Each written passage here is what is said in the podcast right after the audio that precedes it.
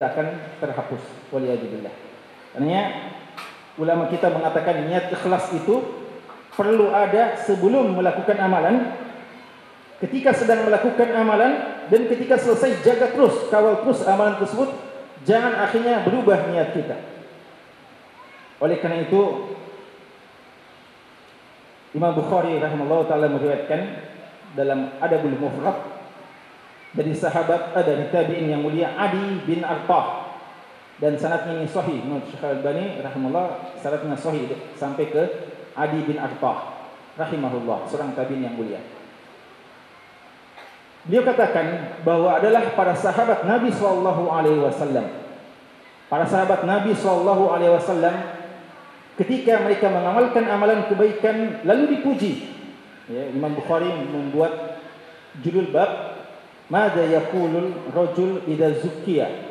Apa yang dikatakan seseorang ketika orang itu dipuji, diberikan tazkiyah, dipuji. Apa yang harus dikatakan? Adi bin Affah mengatakan adalah para sahabat Nabi SAW ketika mendapatkan pujian seperti itu, maka mereka langsung mengatakan Allahumma fil Allahumma la tu'akhidni bima yaqulun waghfir li ma la ya'lamun. Allahumma la tu'akhidni bima yaqulun ya Allah jangan kamu hukumi saya disebabkan pujian mereka yang berlebihan mungkin yang tidak pada tempatnya wala waghfir li ma la ya'lamun dan ampunilah aku ya Allah terhadap apa-apa yang tidak mereka ketahui dari diriku. Dan ini untuk mengingatkan kita bahwa seandainya orang tahu siapa kita, maka mungkin orang tidak akan kagum dengan kita. Orang tidak akan memuji kita. Dan seandainya Allah bukan sitir dan Allah adalah sitir, Allah penutup aib. Namun jika Allah tidak menutup aib kita, maka tidak ada di antara kita yang dikatakan orang soleh, tidak ada di antara kita yang dikatakan orang baik. Semua mungkin merasa jijik untuk dekat dengan saudaranya. Semua akan saling mencurigai, tapi karena Allah Maha sitir, Maha satar senantiasa menutupi aib-aib hambanya, maka ada yang dikatakan orang baik, ada yang dikatakan orang yang soleh dan semacamnya.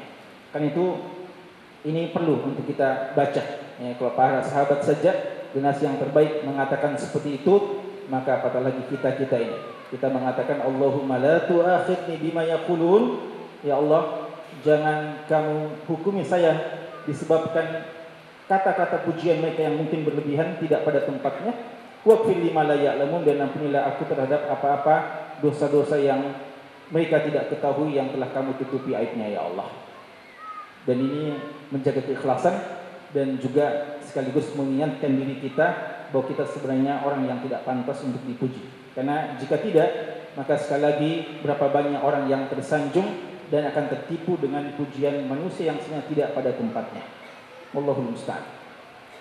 Dan Imam Auza'i pernah mengatakan dan ini diriwayatkan oleh Imam Baihaqi dalam Syu'abul Iman, Imam Auza'i, imam besar dari penduduk Syam, beliau mengatakan bahwa seorang yang ketika dipuji kafaratnya yang harus dikatakan sebagai ampunan terhadap pujian itu yang bahaya. jadi pujian itu bagi kita bukan sesuatu yang hebat sebenarnya. Bahkan kita harus mewaspadai. Bahkan Nabi kita sallallahu alaihi wasallam mengatakan uhsu fi wujuhil maddahina biturab. Beliau bahkan mengatakan semburkan tanah pada wajah orang-orang yang suka menjilat-jilat, suka memuji. Ya wali adillah. Dan beliau pernah mendengarkan seorang memuji temannya di hadapannya dia mengatakan qata taraqabata akhika kamu telah mematahkan leher saudaramu ya, karena itu jika dikhawatirkan akan mengubah niat saudaranya. Walaupun beliau sendiri pernah memuji sebagian sahabatnya, yang tentu saja di tempat-tempat tertentu jika ada masalah untuk yang lainnya dan ketika beliau yakin itu tidak akan mempengaruhi niat dari sahabatnya. Jadi boleh-boleh saja, tapi jika kita lihat ada maslahatnya dan kita duga surat kita tidak terpengaruh dan yang terpenting orang yang terpuji ya orang yang dipuji. Yang terpenting orang yang dipuji memang selalu menjaga dirinya, menjaga hatinya. Kata Imam Auza'i rahimahullah, ketika dia mendengarkan pujian itu maka cara untuk pengampunan dosanya adalah mengatakan Allahumma innaka a'lamu bi min nafsi. Ya Allah, engkau ini lebih tahu dariku tentang diriku sendiri. Wa ana a'lamu bi nafsi minan nasi. Dan saya lebih tahu tentang diriku daripada manusia. Ya, daripada mereka-mereka yang puji itu. Lalu Allahumma la tu'akhidni bima yaqulun waghfir li ma la ya'lamun. Lalu lanjutannya doa yang tadi kita bacakan Allahumma ighfir li ma la ya'lamun uh, Allahumma la tu'akhidni bima yaqulun waghfir li ma la ya'lamun. Dan yang paling bahaya dari itu semuanya khusus kalian waliyadzubillah ketika seseorang dipuji pada pada hal-hal yang sebenarnya tidak dia lakukan ya. Lalu dia mungkin bangga terhadap hal tersebut. La tahsabanna alladziina yafrahuna bima atau wa yuhibbuna ay yuhmadu bima lam yaf'alu fala tahsabannahum bimafazatin minal adab wa lahum adabun alim. Kata Allah Subhanahu wa taala jangan kamu sangka orang-orang yang suka dipuji terhadap apa yang eh, orang yang bangga dengan apa yang dia lakukan dia memang melakukan sesuatu lalu dia bangga. Wa yuhibbuna ayyuhmadu bima lam yaf'alu. Selain itu, dia suka juga dipuji terhadap hal-hal yang tidak pernah dia lakukan. Dia tahu bahwa dia tidak lakukan tapi orang sangka dia melakukannya, maka orang kagum terhadap dia dan memujinya dan dia merasa tenang-tenang saja. Bahkan merasa tersanjung dan merasa ya dan mengatakan mungkin bahkan menghibur dirinya memang kamu pantas untuk itu dipuji waliyadzubillah maka kata Allah, jangan kamu sangka mereka bimafazatin minal azab. Jangan kamu sangka mereka selamat dari siksa Allah Subhanahu wa taala. Walahum adzabun alim dan bagi mereka siksa yang sangat pedih. Waliyadzubillah. Ini khawat dan akhwat sekalian menunjukkan pentingnya terus mewaspadai persoalan niat dalam awal kita bergerak ketika kita sedang melakukan sesuatu bahkan setelah kita melakukan sesuatu. Namun jika ini semuanya telah aman, tidak ada tujuan kita kecualikan Allah, lalu datang pujian manusia, lalu kita berdoa dengan doa seperti itu, kita harapkan kemudian itu termasuk adalah tanda-tanda kebaikan dan semoga itu adalah amalan atau pahala yang dipercepat sebelum kita akan mendapatkan pahala yang masih sempurna di akhirat kelak. Kemudian Syekh menyebutkan tentang pentingnya keikhlasan itu. Apa di antara manfaat keikhlasan? Apa samarat dari keikhlasan? Beliau sebutkan beberapa contoh. Contoh Nabi Yusuf alaihissalam. Bagaimana manfaat keikhlasan bagi seseorang dalam kehidupan akhiratnya? Contoh Nabi Yusuf alaihissalam. Kata beliau, bagaimana Nabi Yusuf diselamatkan oleh Allah dari kemaksiatan berzina secara khusus disebabkan keikhlasannya. Dan ini bukti keikhlasan. Bayangkan ikhwas sekalian, tidak ada yang melihat kecuali istri dari pembesar tersebut, istri dari penguasa Mesir waktu itu. Dia diajak, dia adalah anak muda yang normal. Dan dia diajak bahkan dipaksa. Diancam dihukum kalau tidak mau menerima ajakan istri dari penguasa tersebut. Dan dia adalah seorang yang wanita yang cantik dan seterusnya. Tidak ada yang menghalangi beliau kecuali keikhlasan dan rasa takut kepada Allah. Walaqad hammat bihi wa hamma biha. Wanita itu ingin dengan Yusuf dan Yusuf hampir saja walaqad hammat bihi wa hamma biha laula an ra'a burhana rabbih. Dan hampir saja Yusuf punya kecenderungan juga kepada wanita tersebut seandainya tidak melihat peringatan Allah. Ulama kita mengatakan ini bacaan yang paling tepat kita mengatakan walaqad hammat bihi wa hamma biha laula an ra'a burhana rabbi. Karena kalau kita mengatakan walaqad hammat bihi wa hamma biha maka seakan-akan Nabi Yusuf juga sudah hampir terjatuh dalam kemaksiatan. Padahal sempat terbetik namun dihilangkan karena langsung mendengarkan melihat peringatan Allah. Dan ini buah dari keikhlasan. Orang yang ikhlas Allah senantiasa jaga dia dari kemaksiatan. Laula an ra'a burhana rabbi. Seandainya dia tidak melihat peringatan dari Tuhannya. Banyak tafsiran. yang dimaksudkan dan peringatan dari Tuhannya. Ada yang mengatakan dia tiba-tiba melihat bapaknya, ada tiba-tiba anak kecil yang tapi intinya yang benar adalah dia mengingat tentang hukum Allah dan peringatan Allah bahwa haramnya bermaksiat dan berzina.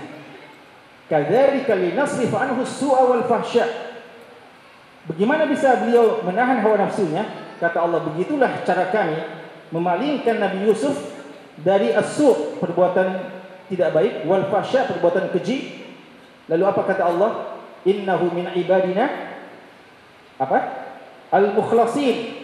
Dia adalah hambaku yang Allah ikhlaskan, ya. Dan dalam Al-Qur'an tidak ada mukhlisin yang adalah mukhlasin. Dalam bacaan ya Hafs an Asim ya Allah alam. Kalau ada bacaan yang lain ya. Tapi dalam Hafs, Hafs an Asim yang kita baca innahu min ibadina al-mukhlasin. Dialah hambaku yang kami pilih untuk diikhlaskan. Berarti kau sekalian, ikhlas itu juga perlu taufik dari Allah. Kita wajib untuk berusaha ikhlas dan orang yang bisa betul-betul ikhlas yang Allah ikhlaskan. Ya, maka minta keikhlasan dari Allah Subhanahu wa taala.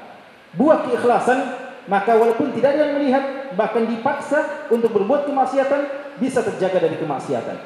Seandainya bukan karena Allah maka ikhlas sekalian inilah kesempatan bagi orang yang tidak ikhlas. Ya, mungkin di depan manusia begitu hati-hati pekat dengan kemaksiatan kalau sudah bersendirian maka semaunya melakukan kemaksiatan waliyadzubillah. Tapi Allah membuktikan bahwa Nabi Yusuf tidak demikian. Ya, beliau meninggalkan kemaksiatan karena keikhlasan itu. Ini buah keikhlasan. Buah keikhlasan yang lain Syekh angkat, Syekh uh, tunjukkan, contohkan adalah bagaimana Allah mengampuni dosa seorang wanita pezina. Waliyadzubillah. Wanita pezina, waliyadzubillah. Wanita ini dalam hadis Bukhari dan Muslim. Diceritakan wanita yang sedang berjalan di padang pasir. Lalu kehausan dan mendapatkan sumur yang berisi air lalu minum.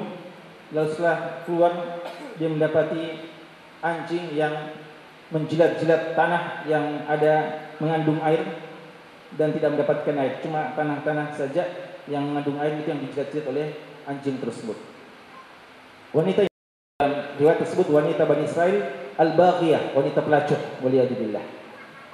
Dalam riwayat yang lain laki-laki. Dua-duanya Bukhari Muslim. Ya, hadis tentang bainama rajulun yamshi bi tariqin itu Bukhari Muslim dan uh, imra'atun bagyun ya itu juga Bukhari Muslim. Wanita pezina, wanita pelacur. Wanita ini khusus sekalian adalah pezina, ya, seorang yang dikenal sebagai orang yang melakukan perbuatan yang sangat keji. Dan yang dibantu bukan dikatakan kucing, ya, bukan dikatakan unta, bukan dikatakan hewan yang mulia, tapi anjing.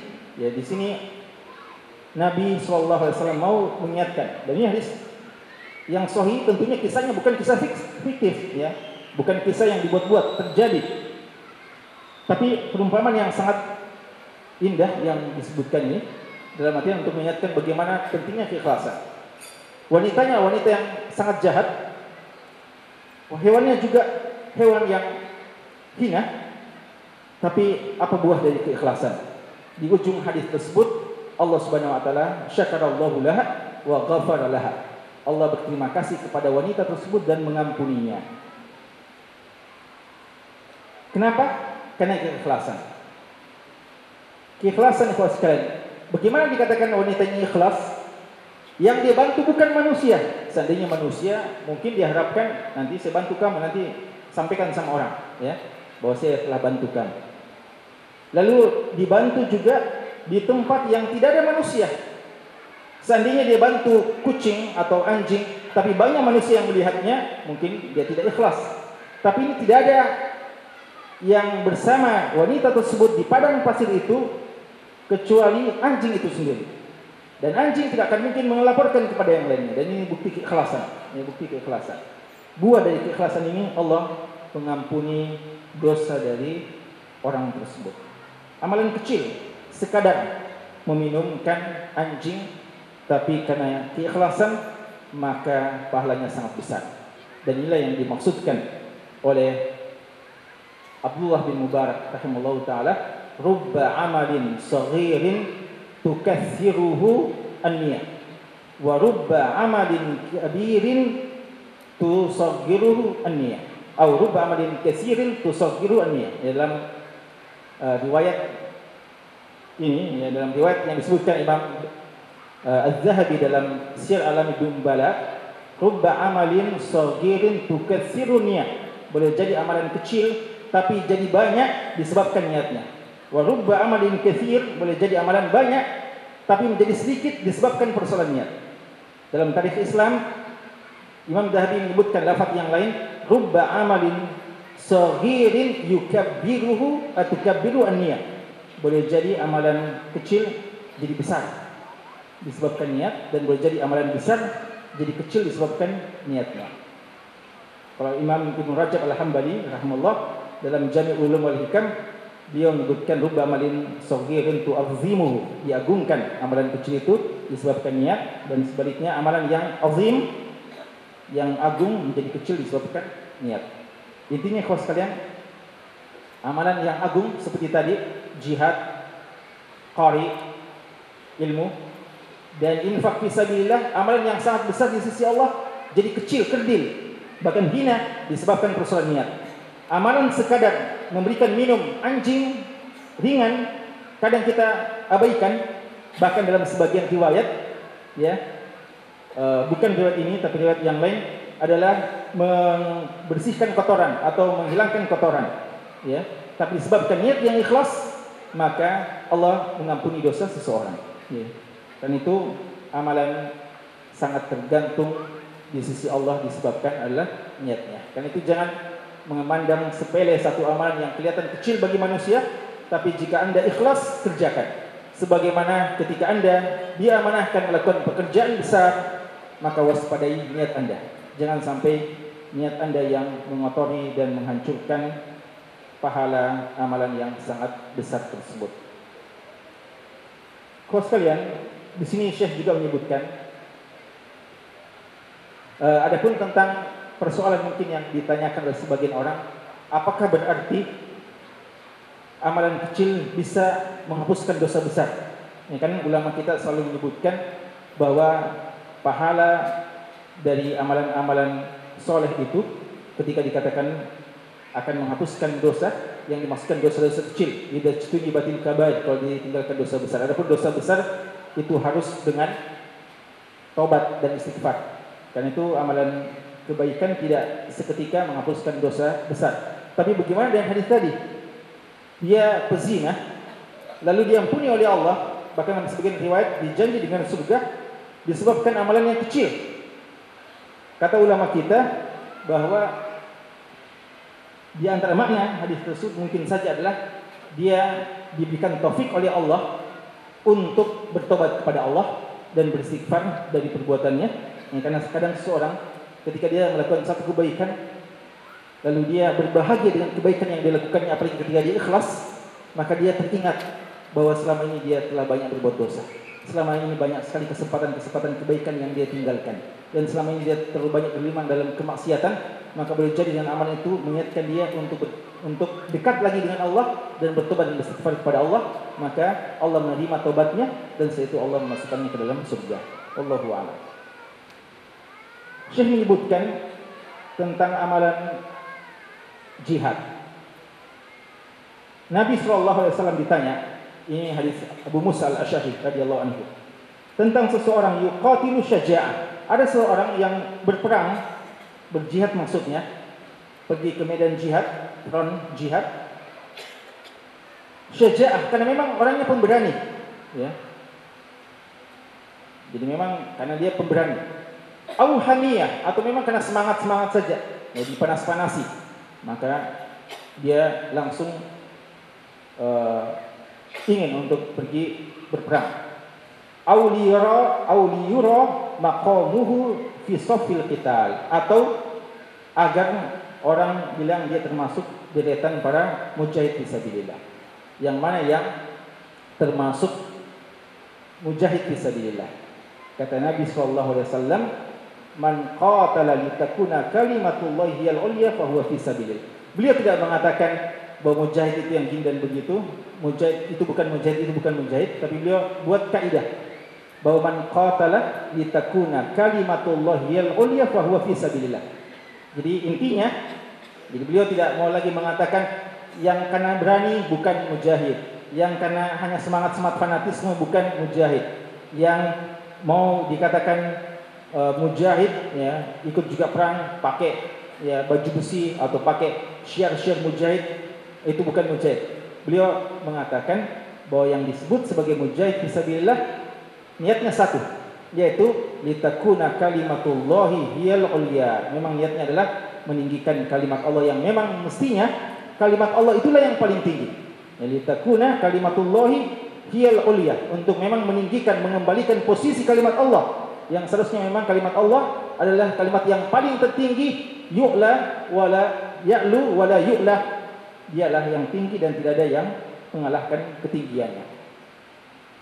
Dan ini khususkan mengingatkan kita bahwa niat yang ikhlas harus kita upayakan ya. Di seorang berjihad fisabilillah bukan karena dia pemberani atau penakut. Anda penakut anda wajib untuk berjihad. Kalau memang Allah telah memanggil anda pemberani, keberanian Anda ini memang karena cuma menyalurkan hobi saja atau gimana? Ya, kan ada kan orang memang hobinya selalu gitu ya, pukul manusia, ya, ganggu manusia. Sudah habis orang-orang yang sekitarnya. Ah, di sana ada panggilan, ya, orang lain. Ya, jadi ke sana, tapi bukan karena Allah. Itu tidak dinilai sebagai mujahid fisabilillah. Jadi ini menunjukkan bahwa begitu banyak niat, tapi niat yang ikhlas adalah niat yang satu saja. Ibnu Rajab Al-Hambali rahimahullah taala mengatakan oleh karena itu ya di sini dikutip oleh Syekh amalan-amalan sangat bertingkat-tingkat pahalanya di sisi Allah disebabkan keikhlasan niatnya dan kesucian kejujuran hati dari orang tersebut. Dan karena karena mulianya niat, kadang seorang yang sudah berniat suci, berniat baik namun belum sempat melakukan amal soleh telah mendapatkan pahala yang sempurna. Beliau di sini diangkat firman Allah dalam surat An-Nisa ayat 100 dan ini ayat sangat pas dengan hadis kita.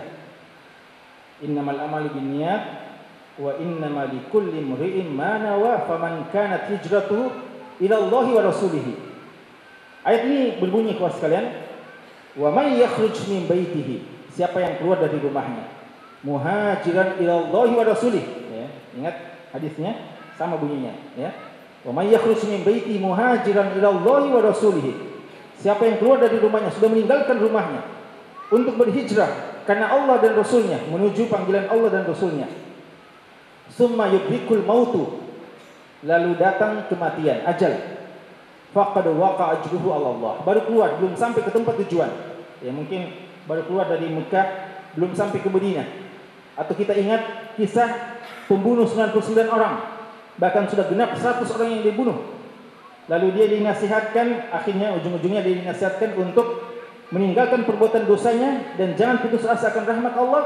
Dan di antara cara untuk bertobat adalah tinggalkan lingkungan yang tidak mendukung keimanannya. Pergi ke kampung sebelah yang di sana banyak teman-teman yang mau bertobat dan mau memperbaiki diri. Orang ini sudah berniat. Namun belum sampai ke kampung tersebut sudah datang ajalnya Bagaimana kondisi orang ini? Faqad waqa ajruhu Allah. Yang sudah akan mendapatkan pahala.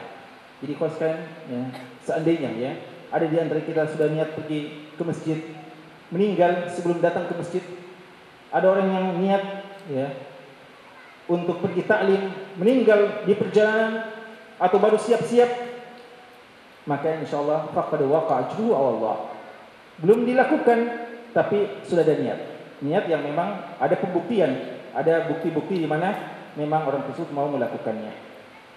Dan ini juga dikuatkan dalam hadis yang terkenal, hadis yang Bukhari Muslim atau Bukhari yang diriwayatkan Imam Bukhari, kata Nabi sallallahu alaihi wasallam, "Idza maridul abdu" jika seorang hamba sakit, au safara atau bersafar, musafir mengadakan perjalanan, kutiba lahu makana ya'malu sahihan muqima, maka akan tetap mendapatkan pahala sebagaimana yang biasa dilakukan pada waktu dia sahih dalam keadaan sehat wal afiat dan muqiman pada saat dia berdomisili tidak keluar, tidak musafir. Dan ini menunjukkan bahwa di antara uzur syar'i adalah safar dan penyakit.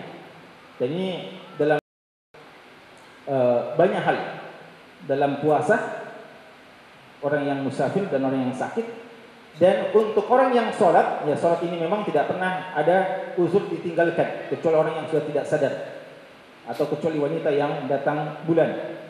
Ya kalau selesai pun tidak perlu dikodok. Adapun laki-laki tidak ada istilah boleh meninggalkan sholat selama-lamanya selama masih ada kesadarannya. Maka uzur untuk orang yang sholat orang yang sakit dan musafir adalah uzur mungkin sholat jamaah, ya sholat jamaah. Idza madidal abdu aw Orang yang sakit tidak uh, bisa ke masjid sholat di rumah. Orang yang safar, sebagian orang yang safar tidak bisa sholat tepat waktunya. Atau mungkin sholat-sholat sunat. Ya, kalau kita sakit yang berat, sholat sunat sudah sulit kita lakukan. Dan kita safar juga, kalau safar, maka rukhsah bagian sunnah adalah meninggalkan semua salat sunat yang rawatib kecuali salat sunat subuh. Ya kecuali salat sunat sebelum subuh. Tapi karena ada uzur seperti ini dan niat tetap ada ya tapi ada halangan maka dia tercatat sebagaimana biasanya. Jadi walaupun dia tidak mengerjakan salat sunatnya tapi dia akan mendapatkan tetap pahala salat sunat. Kenapa? Karena sudah menjadi kebiasaannya dan dia memang niatkan Artinya dia katakan seandainya saya tidak sakit atau tidak musafir maka tentu saya tetap akan mengerjakan kebiasaan baik saya ini. Dan ini menunjukkan bahwa memang mesti niat karena Allah. Oleh karena itu perlu dipahami bahwa seorang yang meninggalkan dosa dalam hadis Qudsi yang terkenal hadis Abdullah bin Abbas orang yang meninggalkan meniatkan pada asalnya meniatkan dosa lalu akhirnya dia tinggalkan dikatakan kenapa mendapatkan dosa atau tidak ditinggalkan. Artinya tidak jadi dilakukan. Dosa atau tidak? Tidak. Ya. Dapat pahala atau tidak? Dapat. Ya. Itu bagi orang yang meninggalkan dalam riwayat min jarra'i disebabkan karena aku. Ya. Adapun orang yang meninggalkan dosa karena belum sempat atau ada halangan yang lain maka tidak akan mendapatkan pahala bahkan tetap dinilai dengan dosa. Disebabkan niat juga. Jadi seorang pencuri mau mencuri sudah niat. Begitu mau mengambil bunyi alarm umpamanya atau ada anjing atau ada penjaga maka orang pada keluar dia, dia melarikan diri dan hatinya sangat dongkol ya dia tinggalkan tidak jadi dia bilang ya gara-gara ini maka saya tidak ambil. Tapi insya Allah ya untuk kalau dia insya Allah ya, tidak boleh juga dia insya Allah ya. Tidak tepat bahwa di lain waktu saya akan mengambil lagi. Ini orang seperti ini tetap niat dosa tetap mendapatkan dosa. Dan tidak dikatakan bahwa dia tidak berdosa dan tidak dikatakan bahwa dia meninggalkan bahwa dia mendapatkan pahala. Karena meninggalkan dosa. Karena dia meninggalkan dosa bukan min jarra'illah bukan bisa bagilah bukan karena niatnya karena Allah dan ini menunjukkan pentingnya persoalan niat. Juga hadis yang beliau sebutkan inna bil Madinah di Madinah kata Nabi wasallam dan ini dalam konteks perang Tabuk. Ketika beliau uh, sampai di Tabuk lalu menjalani lembah yang berat beliau mengatakan di kota Madinah akwaman ada beberapa kaum yaitu para sahabat masir tum masiran. Tidaklah kalian menjalani perjalanan kalian yang panjang ini wala qata'tum wadiya dan tidaklah kalian me melewati lembah-lembah illa kanu ma'akum kecuali mereka juga sama dengan kalian. Jadi mereka di Madinah tidak ikut jihad. Tapi kata Nabi SAW, apa yang kalian lakukan perjalanan jauh ini dan melewati lembah-lembah, mereka juga sama mendapatkan pahala dengan kalian fi niyatihim wa qulubihim wa thawabihim. Niatnya sama, sama-sama berniat sebenarnya berjihad tapi ada uzur dan qulubihim hati mereka senantiasa terpaut ya, mereka merasa sedih Temannya ikut berjuang, dia tidak ikut berjuang karena sakit umpamanya. wasawabin dan juga tetap akan mendapatkan pahala di sisi Allah. Hasaba habasahumul uzur. Habasahumul uzur mereka terhalangi disebabkan uzur yang syar'i. Jadi kalau sekalian hanian ya, selamat kebahagiaan bagi seorang hamba yang ada uzurnya.